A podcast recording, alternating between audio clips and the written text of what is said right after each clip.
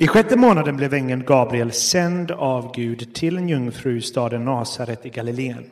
Hon var trolovad med en man som hette Josef och var av Davids släkt och jungfruns namn var Maria. Ängeln kom in och sa till henne Gläd dig, du benådade, Herren är med dig. Men hon blev förskräckt vid hans ord och, eh, och undrade vad denna hälsning kunde betyda. Då sa ängeln till henne, frukta inte Maria. Du har funnit nåd hos Gud. Se, du ska bli havande och föda en son och du ska ge honom namnet Jesus. Han ska bli stor och kallas den högste son och Herren Gud ska ge honom hans fader Davids tron. Han ska vara konung över Jakobs hus för evigt och hans rike ska aldrig få något slut. Maria sa till ängeln, hur ska detta kunna ske? Ingen man har rört mig. Ängeln svarade, den heliga ande ska komma över dig och den högstes kraft ska vila över dig. Därför skall också barnet kallas heligt och Guds son.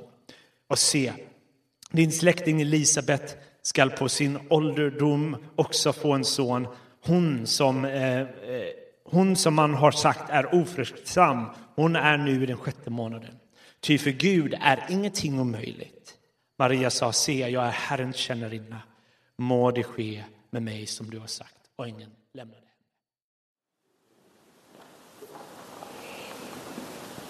Hej! Vad härligt att se er här. Vilket härligt gäng vi är idag. Vi är inte så många, men eh, ett gött gäng. Man har ju förmånen när man står längst fram att man hör lovsången bakifrån. Och idag var det som att höra en, en änglakör som kom. Det var vackert här framifrån också. Men så kommer det bakifrån när man hör en tillbedjande församling. Det är otroligt fint. Eh, och min dotter som alltid dansar i lovsången, hon, eh, hon har börjat med någonting att hon väcker mig på morgnarna med att sjunga lovsång. så idag har jag lyssnat på min dotter sjunga lovsång, och igår också på morgonen. Och så innan vi skulle gå till kyrkan idag så ropade hon från övervåningen ”Pappa, pappa!” som att det var något jätteviktigt. Ja, vad är det? Så ropar jag nerifrån. Så ropar hon ner.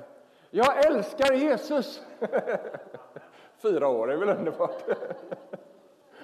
Och sen så säger han, vet du vad pappa? Eh, det är faktiskt så att människorna, de sprang bort ifrån Gud. Men sen så kom det någon och berättade att de inte skulle springa bort ifrån Gud för att Gud tyckte om dem. Det har jag läst i Bibeln. Ja, det var en anekdot. Det är ju härligt när man har barn, men eh, de här stunderna är lite extra fina. Gott. Eh, jag hade inte tänkt att predika idag, men eh, det blev så. Eh, när Pierre mässade och sa att han var sjuk. Men jag ska försöka att, att vandra igenom den här spännande berättelsen med Maria och tala om julens budskap utifrån Marias perspektiv. Och tänk er Maria. Jag menar, en ung tjej man vet ju inte riktigt, liksom, men 12, 15, 16 någonstans. Hela livet framför sig. Fylld med liksom förväntan på hur livet ska utspela sig. Och hon har blivit trolovad med Josef. Kanske har de drömmar redan, kanske har de redan hunnit prata, vad vet jag. De kanske har drömmar inför framtiden. Ni vet den här åldern, liksom mitten på tonåren, kanske övre tonåren. Hela livet ligger framför. Man är bara fylld av förväntan på hur livet ska bli. Kanske hade de börjat fundera över hur ska vi bo? Var ska vi bo? Vad ska vi liksom, hur ska vårt liv bli? Vad ska vi ha för märke på våran åsna? Eller ska vi ha två åsnor? Ja, men ni vet de här grejerna som man börjar fundera över när liksom livet är, liksom, ligger så mycket framför sig. Drömmar om hur familj och, och livsresan ska utspela sig och och så har de sina vänner, säkerligen massor med väninnor. Och I den tiden det handlar ju väldigt mycket om i den här åldern att man ska passa in och inte sticka ut och inte vara annorlunda. Och liksom, man vill gärna ha liksom kläder som eh, liksom inte sticker ut för mycket, liksom, eh, utan det ska vara någonstans man vill passa in eh, och liksom inte vara för annorlunda. Du vet, du är precis likadan. Man vill liksom inte ha en bil som sticker ut för mycket, eller ha liksom, kanske lite, men inte för mycket. Man vill kunna försvara inför andra hur man lever sitt liv. Någonstans tänker man, hur ska andra tänka? så liksom, det är en viktig del i att, att få ihop livet. Och där tror jag att det var väl så för Maria också. Och mitt i det där så kommer en ängel, och inte vilken ängel som helst, utan ängeln Gabriel kommer in i Marias vardag och allting förändras för Maria. Och jag menar, det var inte så här liksom att man gick runt och väntade på att det här skulle hända, liksom att, att liksom en ängel skulle trilla ner och Gud skulle trilla ner i vilken kvinna som helst. Liksom, det var inte så man, man, man, man såg på det hela. Ingen hade kunnat räkna ut att det var så här Messias skulle komma till världen. Maria hade aldrig kunnat ana vad som skulle hända den där dagen. Och även om det hade varit så att alla hade vetat att himmelens kung skulle liksom inkarneras genom en kvinna, även om alla skulle ha vetat det, vilket de inte visste, men om det hade varit så, så hade Maria troligtvis absolut aldrig tänkt tanken. Maria var bortom alla odds, en enkel ung kvinna från en oansenlig by i Nasaret. Och det är liksom därför som de vise männen red till palatset, de red till kungahuset. Men himmelens son var inte i palatset. Himmelens son var inte där man kunde förvänta sig att en kung skulle födas. Det säger någonting om Gud. Du kanske tänker, kan Gud bry sig om mig? Kan Gud se till mig? Ja, men Gud har väl många andra viktigare personer att ta hänsyn till. Ja, men han har ansvar för alla planeter och allt som händer här på jorden. Gud har alltid utvalt det som ingenting var i världens ögon. Det som inte verkar mycket, det som inte tänker särskilt högt om sig själv. Det har Gud utvalt. Han utvalde Maria för att du ska veta att Gud också har sin blick vänd emot dig. Han ser inte bara till de höga, inte bara till de låga, om vi nu ska tänka världsligt, mänskligt sett. Gud ser ju inte ens på det sättet, han ser människor. Så därför så ska kan du veta att Gud har också sin blick vänd emot dig. Vi ska vandra igenom berättelsen om Maria. Vi vet ju inte så mycket om henne fram tills just den här dagen som vi har hört Joel läsa om idag. Men det finns så mycket i de här händelserna kring Maria som har så mycket att säga och tala rakt in i våra liv idag.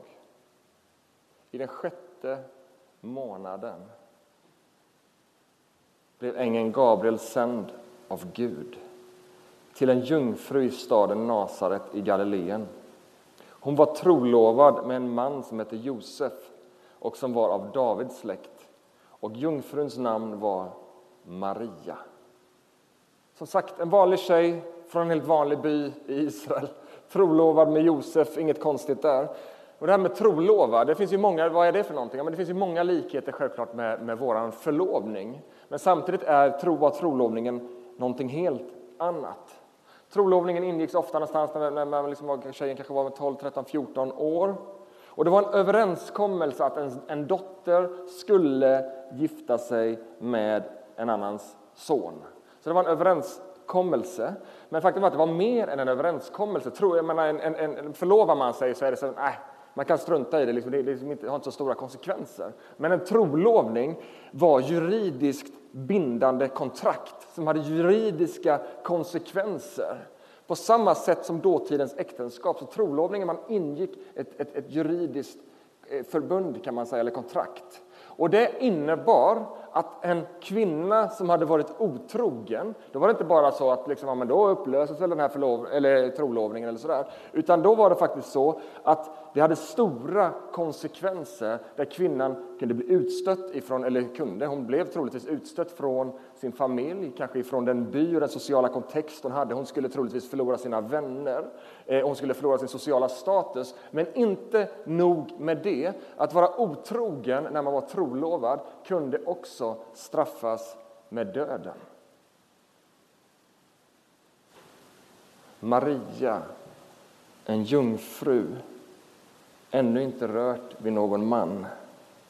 Då kommer ängeln till henne och säger Gläd dig, du som fått nåd, Herren är med dig. Men hon blev förskräckt av hans ord och undrade vad kan den här hälsningen betyda. Då sa ängeln till henne Var inte rädd. Precis som vi började med att sjunga idag. Var inte rädd Maria, för du har funnit nåd hos Gud.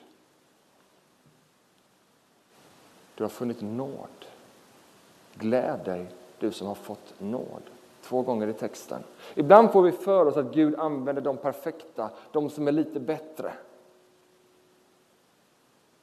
Om Maria hade varit perfekt så hade hon inte behövt nåd. Gud utväljer inte Maria för hennes klanderfria CV, för att hon liksom hade ett sån perfekt... Liksom, troligtvis var Maria var säkert en fantastisk kvinna, men det är inte därför som Gud utväljer henne. När han kommer till henne med en hälsning så kommer han först med nåd. Gud utväljer Maria i sin nåd. Och kan Gud välja en vanlig människa, en vanlig tjej som behöver nåd som dig och mig, kan Gud välja en sån kvinna för att föda sin son in i världen, så kan Gud använda också dig och mig för att tjäna honom i vår tid, i vår värld och låta hans närvaro få beröra människor där vi befinner oss. Och Maria ryggar tillbaka. Man kan ju tänka sig en mäktig ängel ifrån Gud som bara dyker upp där. Vad är det här för en gestalt framför mig? Vad är det som händer? Vad vill du mig?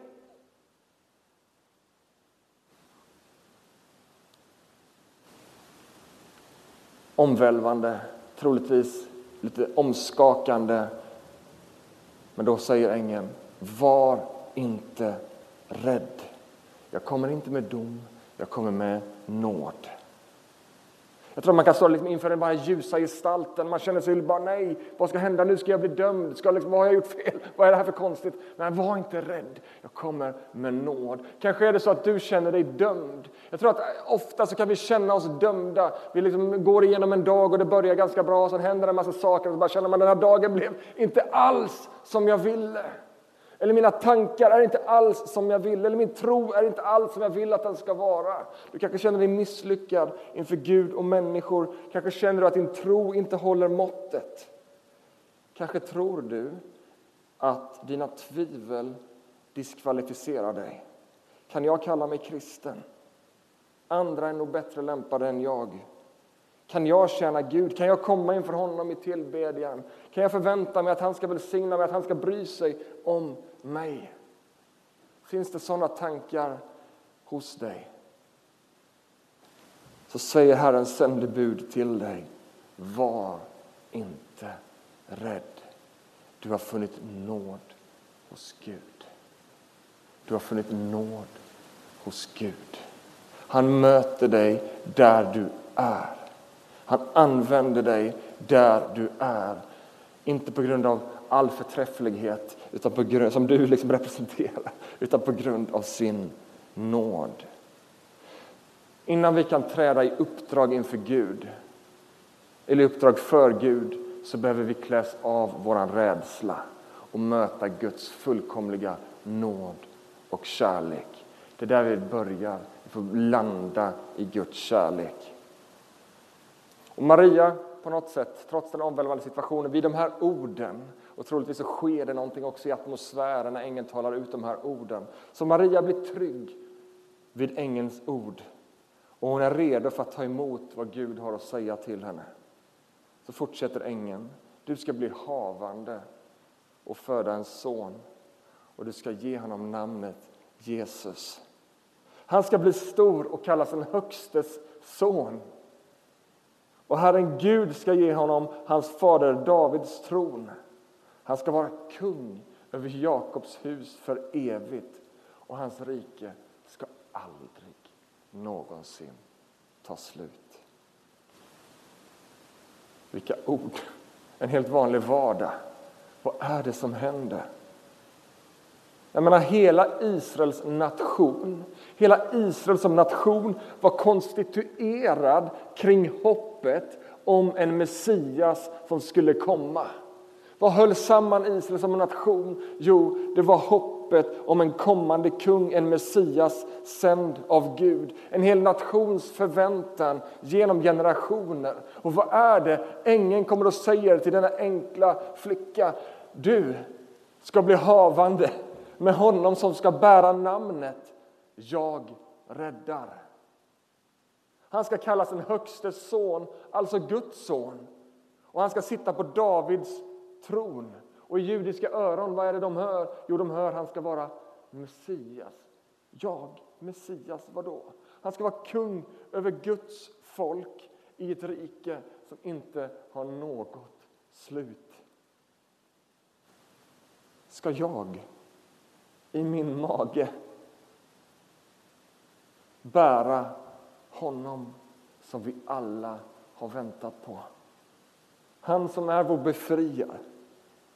Han som inte bara liksom verkar sänd av Gud utan som, om han nu kallas Guds son, ja, men då måste han ju själv vara gudomlig, vara Gud. Ska, ska jag?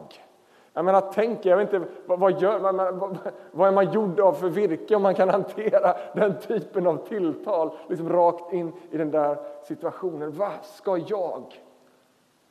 Och Maria hon reagerar ju lite på det sättet också. Och Maria sa till ängeln, hur ska det ske? Hur ska det här ske? Jag förstår inte.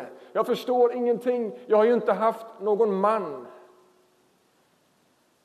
Och Det är lite intressant det där, liksom, för att jag tycker att här ligger någonting spännande. Det finns många som beskyller kristna för att hålla på med blind tro. Att vi liksom bara accepterar saker i blindo. Men titta på Maria. Det är inte så hon reagerar. Det är inte så bara, vad häftigt, bra, tack. Hon bara, hur ska det ske? Jag vill förstå, vad är det som händer? Hallå? Kristen tro är långt ifrån blind tro. Men det är en tro som kalkylerar med en Gud som förmår att göra det omöjliga. Ingenting är omöjligt för Gud, säger ängeln. Den helige Ande ska komma över dig och den Högstes kraft ska vila över dig.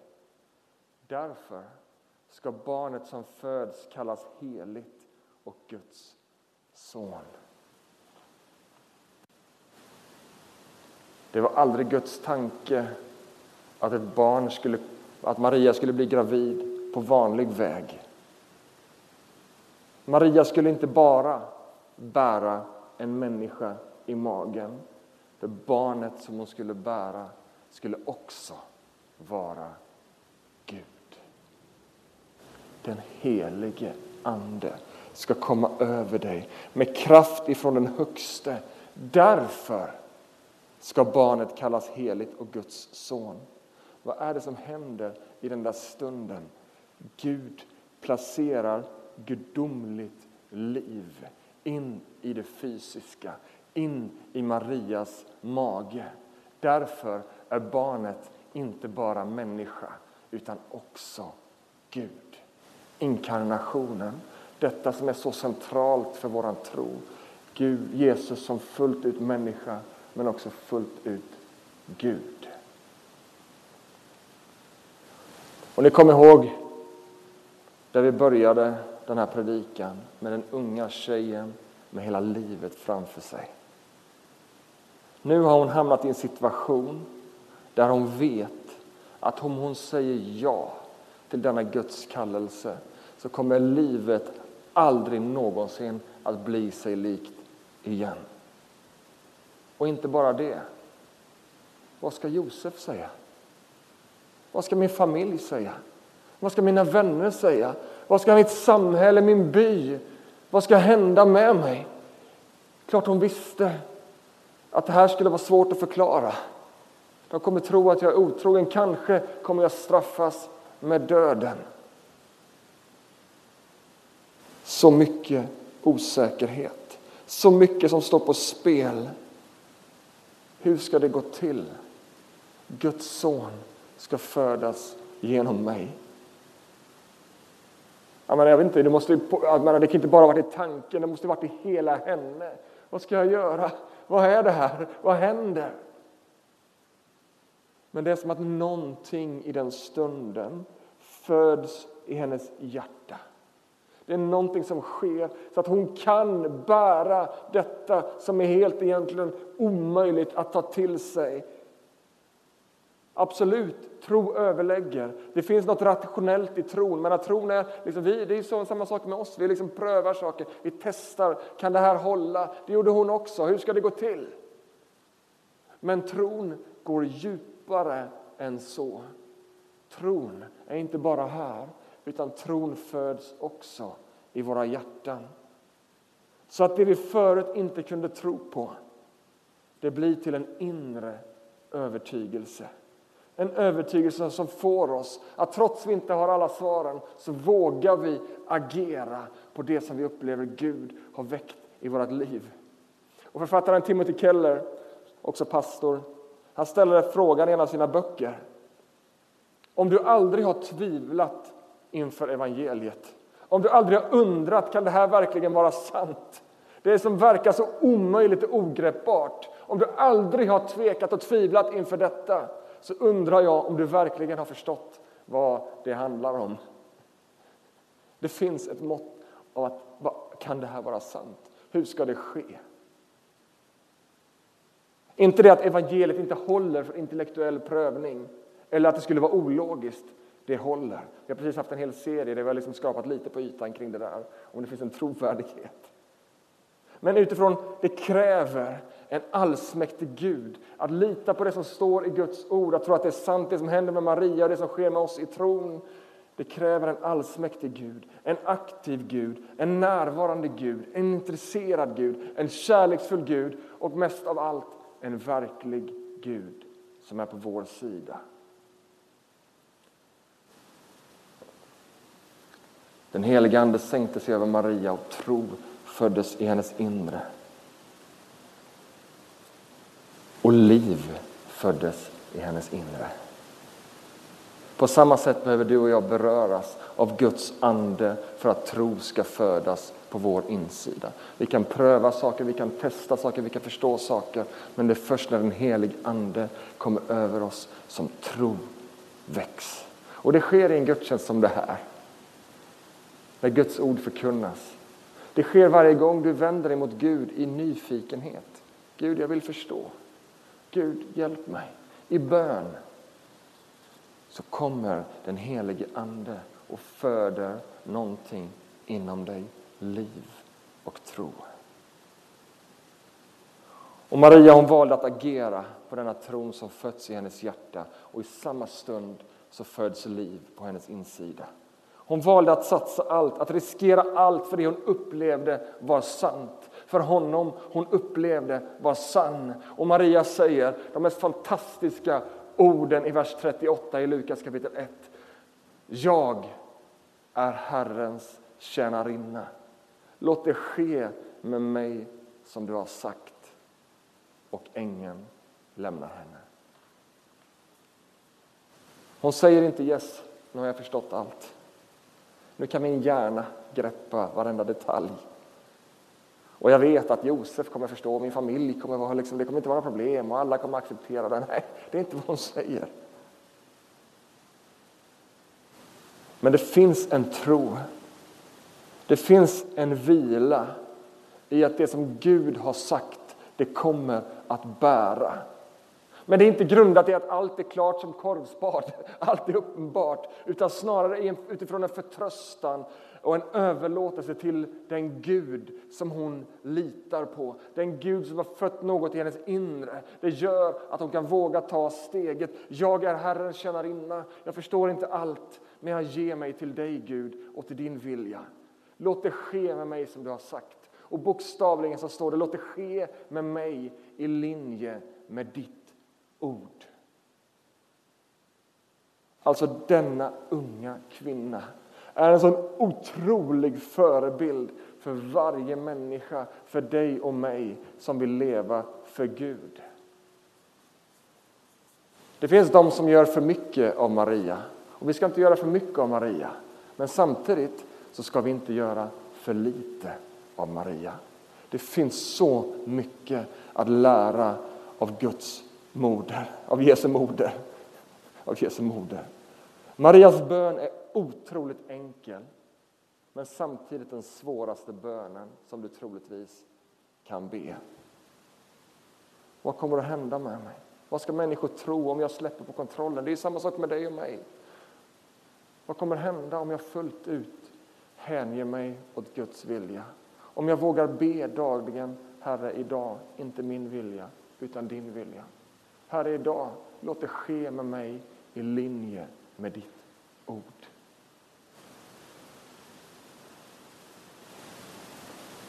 Det är en sån bön som öppnar upp din vandring. Första gången du ber den bönen och du kommer i gemenskap med Gud. Men det är också en sån bön som håller att bes varje dag resten av ditt liv för att leva i överlåtelse till Gud och Guds vilja. Jag ska alldeles strax avsluta.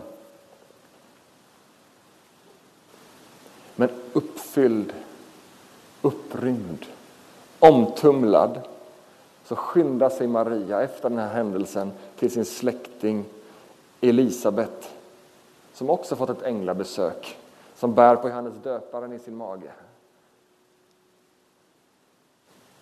Och Maria kommer dit. Och jag tycker det är en så fascinerande berättelse. Därför att det så står det beskrivet om att Maria berättar för henne vad som har hänt. Och Guds ande är verksam i rummet. Därför att Maria kommer nu inte bara som Maria, som Elisabets släkting. Hon kommer nu som en bärare av gudomlig närvaro. Guds liv har fötts på hennes insida, Jesus inside. Och barnet i Elisabets mage skuttar till, står det i texten. Liksom Man hoppar till och blir uppfylld med den helige Ande. Och i den stunden så ropar Elisabet ut.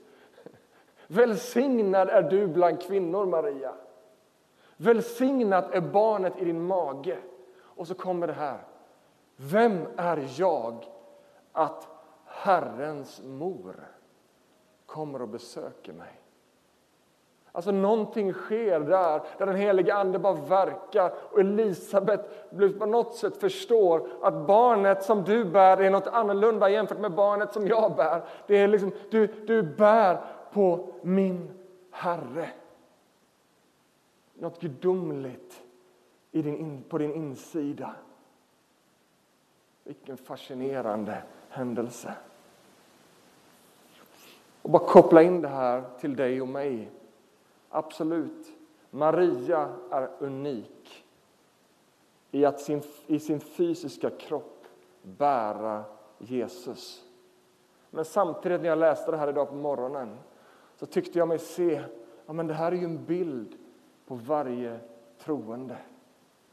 Genom tron på Jesus har du fått del av gudomlig natur, säger Petrus i sitt första brev kapitel 1, vers 24. Vi har blivit delaktiga av gudomlig natur.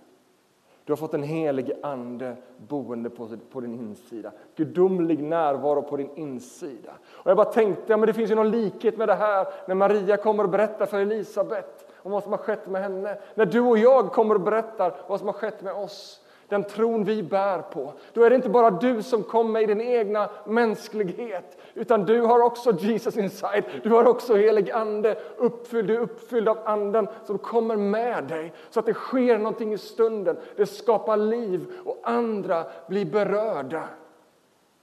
Hade det bara varit mänsklighet vi kommer med, då är det inte mycket att ha. Men vet du vad, du och jag kommer med Guds närvaro. Så att när du och jag talar så börjar liv väckas omkring oss. Den helige Ande berör människor. Och att bli bärare av Guds närvaro, det börjar i tron på att barnet som Maria bär är gudomligt, är Gud själv. Om du inte tror att Maria bar på gudomlig närvaro, om du inte tror att Maria bar på Gud själv, då har du inte heller del av gudomlig närvaro. Därför att det är inkarnationen, att barnet som Maria bar var någonting mer än en människa. Det är det som förändrar allting. Det är det som gör att det vi tror på inte bara är mänskliga idéer, utan det är gudomliga idéer. Hur Gud har kommit hit ner för att återupprätta relationen mellan Gud och människa. Och kan vi tro på detta? Kan vi tro på inkarnationens mysterium? G.I. Packer, en fantastisk teolog, han har sagt att kan du tro på inkarnationen så kan du tro på allting. Kan du tro att Gud kunde komma ner i magen på en enkel tjej, då kan du tro på matunder. Då kan du tro på planeter som blir skapade. Då kan du tro på att Gud kan rädda dig och gripa in i situationer. Då kan du tro på precis allting. Det står och faller med att vi tror på att Gud har kommit hit ner genom en jungfru som heter Maria. Det föds i oss genom den heliga Ande. När vi hör det så väcker någonting. Och det som bara förut var en kunskap som vi har hört, vi har sett krubborna som står liksom där vid julen. Men när den helige Ande berör oss så är det som att, ja men det är ju sant. Det här är ju sant. Jag kan inte tro, jag kan inte tro på någonting annat. Det här är ju sant. Vi förstår inte allt. Men det går upp som ett ljus inom oss att evangeliet är sant.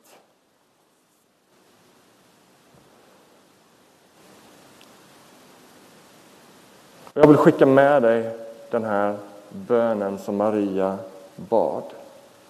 Därför att varje dag är det ett otroligt äventyr som väntar på andra sidan av den bönen. Jag är en Herrens tjänare, en Herrens tjänarinna. Låt det idag ske med mig i linje med ditt ord. Låt mig leva i linje med dina tankar för mitt liv.